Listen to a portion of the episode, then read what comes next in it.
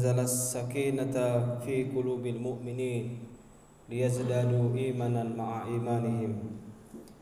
أشهد أن لا إله إلا الله وأشهد أن محمدا عبده ورسوله. اللهم صل وسلم وبارك على سيدنا محمد وعلى آله وأصحابه أجمعين. اللهم صل على محمد وعلى آل محمد كما صليت على إبراهيم وعلى آل إبراهيم. وبارك على محمد وعلى آل محمد كما باركت على إبراهيم وعلى آل إبراهيم في العالمين إنك حميد مجيد. فيا أيها الحاضرون اتقوا الله اتقوا الله حق تقاته ولا تموتن إلا وأنتم مسلمون. قال الله تعالى في القرآن الكريم وهو أصدق القائلين. أعوذ بالله من الشيطان الرجيم. wa ahalallahu al-bai'a riba al-ayah. Sadaqallahul adzim Hadirin jamaah Jumat rahimakumullah. Alhamdulillah tentunya puji serta syukur marilah selalu kita panjatkan kehadirat Allah yang Maha Ghafur. Allah yang telah memberikan kita banyak nikmat. Allah yang telah banyak memberikan kita kesempatan dan juga hidayah serta taufiknya sehingga kita bisa melaksanakan amal ibadah yang begitu khusyuk dan penuh nikmat ini. Salawat dan salam marilah kita sampaikan juga kepada junjungan kita panutan dalam setiap perilaku kehidupan kita sehari-hari yaitu Nabi Muhammad sallallahu alaihi wasallam kepada para keluarganya, para sahabatnya dan juga para pengikutnya semoga kita pun selalu mendapatkan syafaat dari Nabi Muhammad sallallahu alaihi wasallam. Hadirin rahimakumullah. Khatib selalu mewasiatkan setiap kali Jumat adalah marilah kita selalu meningkatkan kualitas dan juga kuantitas takwa kita kepada Allah Subhanahu wa taala.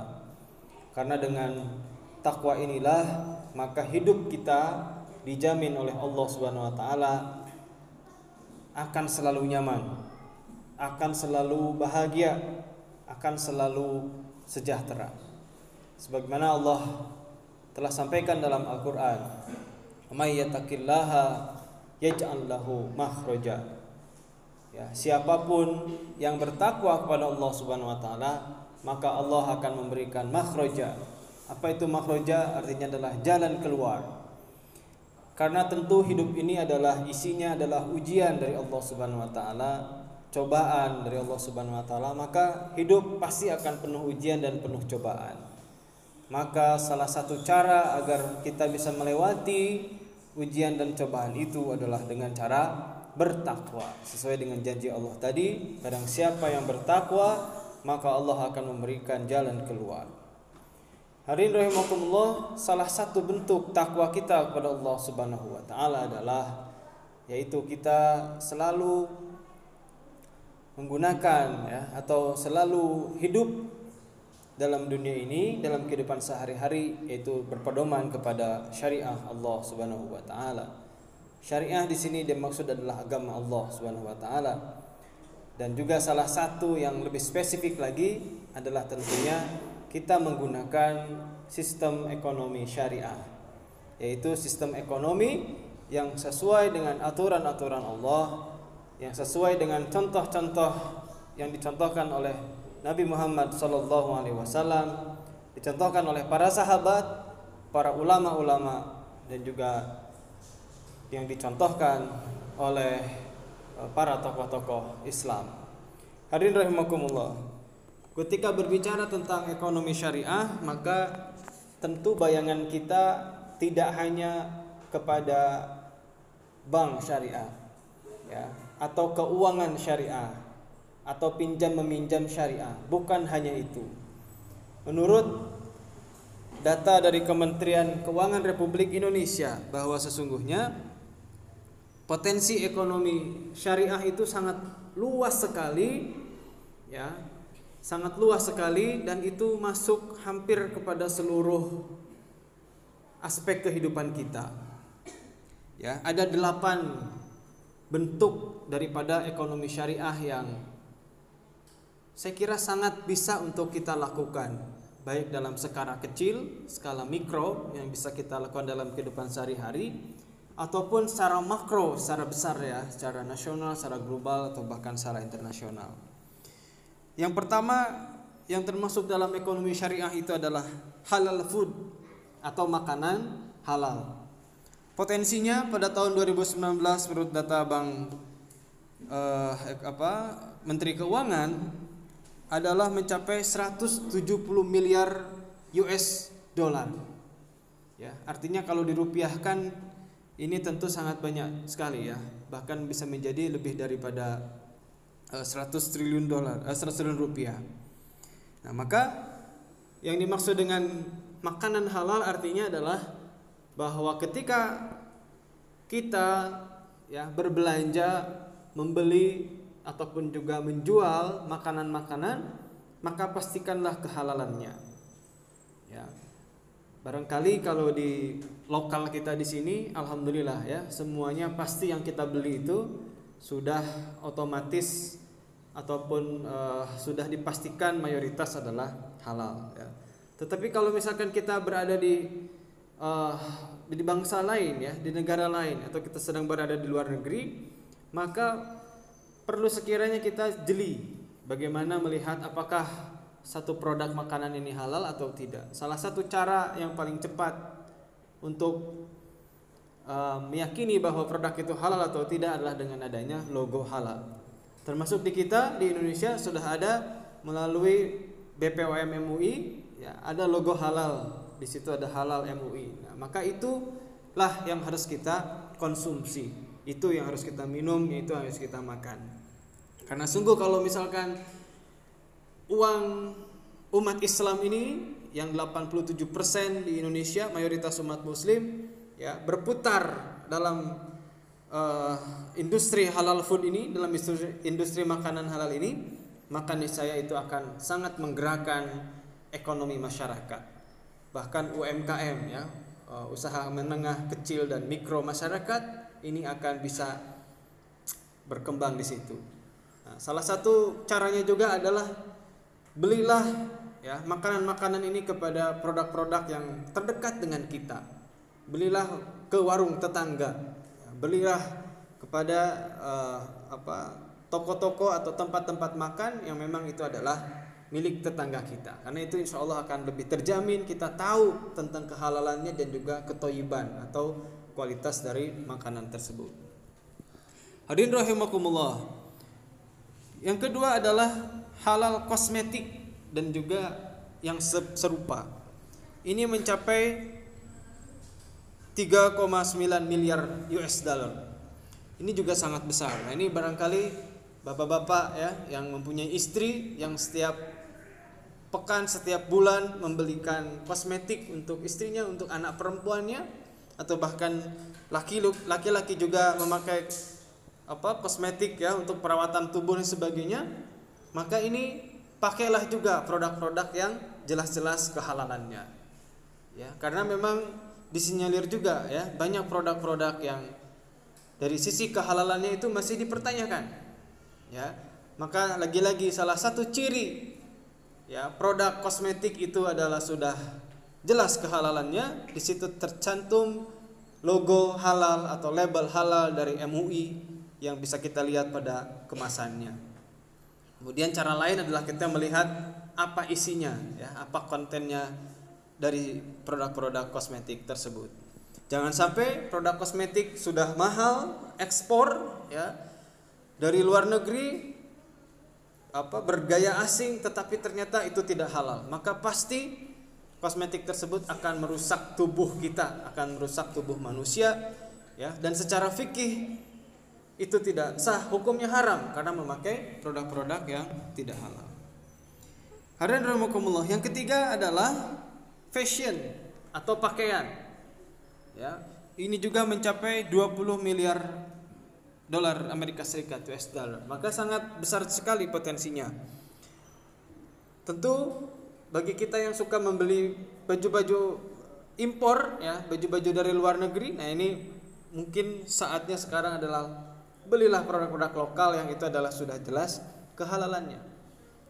Nah, terkait dengan fashion, maka sisi halal itu bukan sekedar dari bahannya halal ya bukan barang najis atau di situ ada hal-hal yang haram tetapi juga adalah desain dan juga modelnya ya.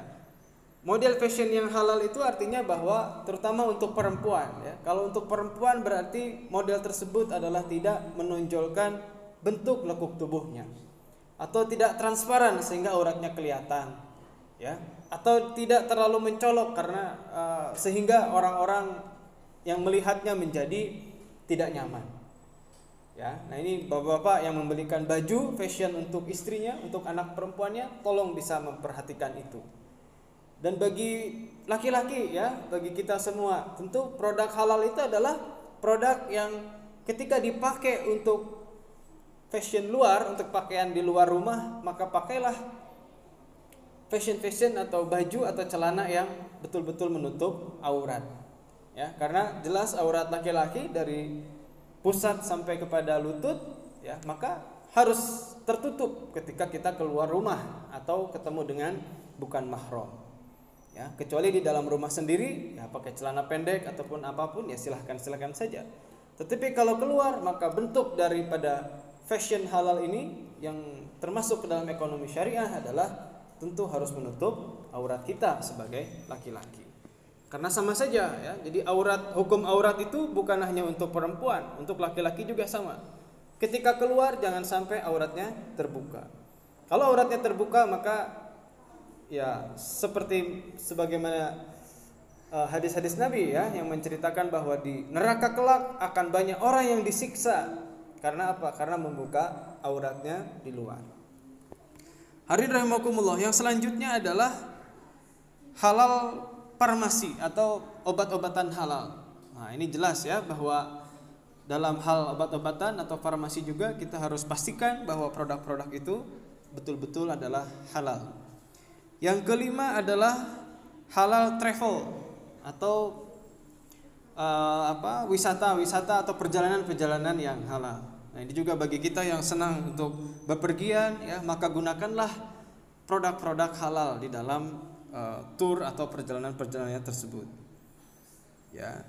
Kemudian yang keenam adalah halal media and recreation. Ya, yaitu eh, media-media yang halal ya ataupun juga tontonan-tontonan seperti televisi, seperti TV online ataupun juga bioskop ya ataupun juga film-film maka tontonlah media-media tersebut adalah media-media yang halal untuk kita semua. Apalagi di zaman digital saat ini banyak sekali media-media itu gampang dan mudah diakses oleh gadget kita. Ya, dalam satu genggaman kita bisa banyak sekali nonton media-media yang banyak sekali ya. Tinggal kita mau bisa memilih dan atau memilah. Jangan sampai terjerumus ke dalam media-media yang memang itu dilarang oleh syariat Islam. Yang ketujuh hadirin sekalian adalah Islamic finance. Nah, inilah yang disebut dengan keuangan Islam. Yang dimaksud yang banyak kita persepsikan ekonomi syariah adalah kepada keuangan seperti ini, ya, seperti perbankan syariah, ya, pinjaman syariah ataupun juga kredit syariah, kartu kredit syariah dan lain sebagainya. Nah, hadirin rahimakumullah, beberapa hal itulah yang menyam, apa, memberikan kita motivasi seharusnya ya bahwa ternyata Islam ini adalah juga mengatur banyak hal tersebut terutama dalam hal ekonomi syariah maka sudah saatnya lah sebagai bentuk kita takwa kepada Allah Subhanahu wa taala pakailah atau gunakanlah produk-produk syariah tersebut. Karena hal tersebut tentu akan lebih nyaman untuk kita akan lebih terasa kebermanfaatannya dan secara fikih secara akidah itu merupakan sebuah bentuk ibadah kepada Allah Subhanahu wa taala. Barakallahu li wa lakum fil Qur'anil adim wa nafa'ini wa iyyakum minal ayati wa dzikril hakim. Aqulu qouli hada astaghfirullahal adzim.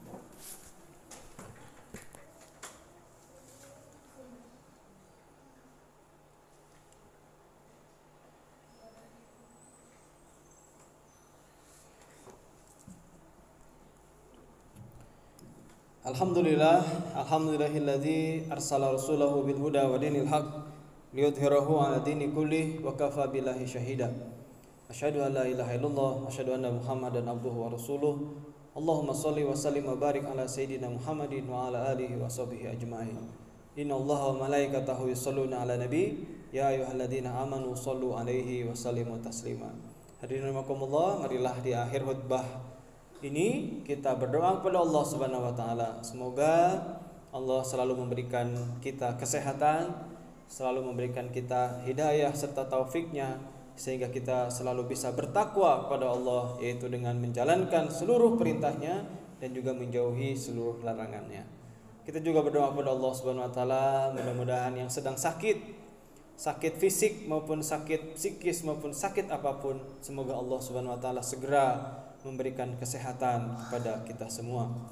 Kita juga berdoa semoga pandemi ini segera berakhir kita doakan juga saudara-saudara kita yang sedang terlanda musibah, terlanda bencana, mudah-mudahan diberikan kesabaran, kekuatan dan juga segera bisa uh, melampaui bencana tersebut. Saudara-saudara kita yang sedang diuji oleh Allah Subhanahu wa taala termasuk yang di Palestina, di Rohingya, di Uighur dan sebagainya. Mudah-mudahan mereka selalu mendapatkan pertolongan dari Allah Subhanahu wa taala, mendapatkan bantuan dari Allah Subhanahu wa taala dan mereka dijadikan sebagai orang-orang mujahid dan orang-orang yang syahid di jalan Allah Subhanahu wa taala. Allahumma shalli wa sallim wa barik wa sallim ajma'in. Amin ya rabbal alamin. Allahumma ighfir lil muslimin wal muslimat wal mu'minin wal mu'minat al ahya'i minhum wal amwat innaka samiun qaribun mujibud da'wat ya qadil hajat. Allahumma ya qadil hajat, Allahumma ya kafil muhimat, Allahumma ya dafi al baliyat, Allahumma ya dafi al baliyat, Allahumma ya dafi al baliyat. اللهم يا رفيع الدرجات اللهم يا شافي الأمراض اللهم يا شافي الأمراض اللهم يا شافي الأمراض اللهم يا مجيب الدعوات اللهم يا أرحم الراحمين اللهم ربنا تقبل منا صلاتنا وصيامنا وقيامنا وركوعنا وسجدنا وجميع كل عباداتنا Allahumma rabbana hablana min ajwajina wa dhurriyyatina qurrata a'yun waj'alna lil muttaqina imama. Allahumma rabbana la tuzigh qulubana ba'da idh hadaitana wa hab lana min ladunka rahmah innaka antal wahhab. Allahumma surna ikhwanana al-muslimina fi Palestin. Allahumma ansurna ikhwanal muslimina fi Uyghur Allahumma ansurna ikhwanal muslimina fi Rohingya wa jami'i kulli baldatin amah. Allahumma taqabbal minna salatana. Allahumma taqabbal ya Allah Rabbana atina fid dunya hasanah wa fil akhirati hasanah wa qina adzabannar subhana rabbika rabbil izzati amma yasifun. Wa salamun alal mursalin. Alhamdulillahi rabbil alamin. Qimis salat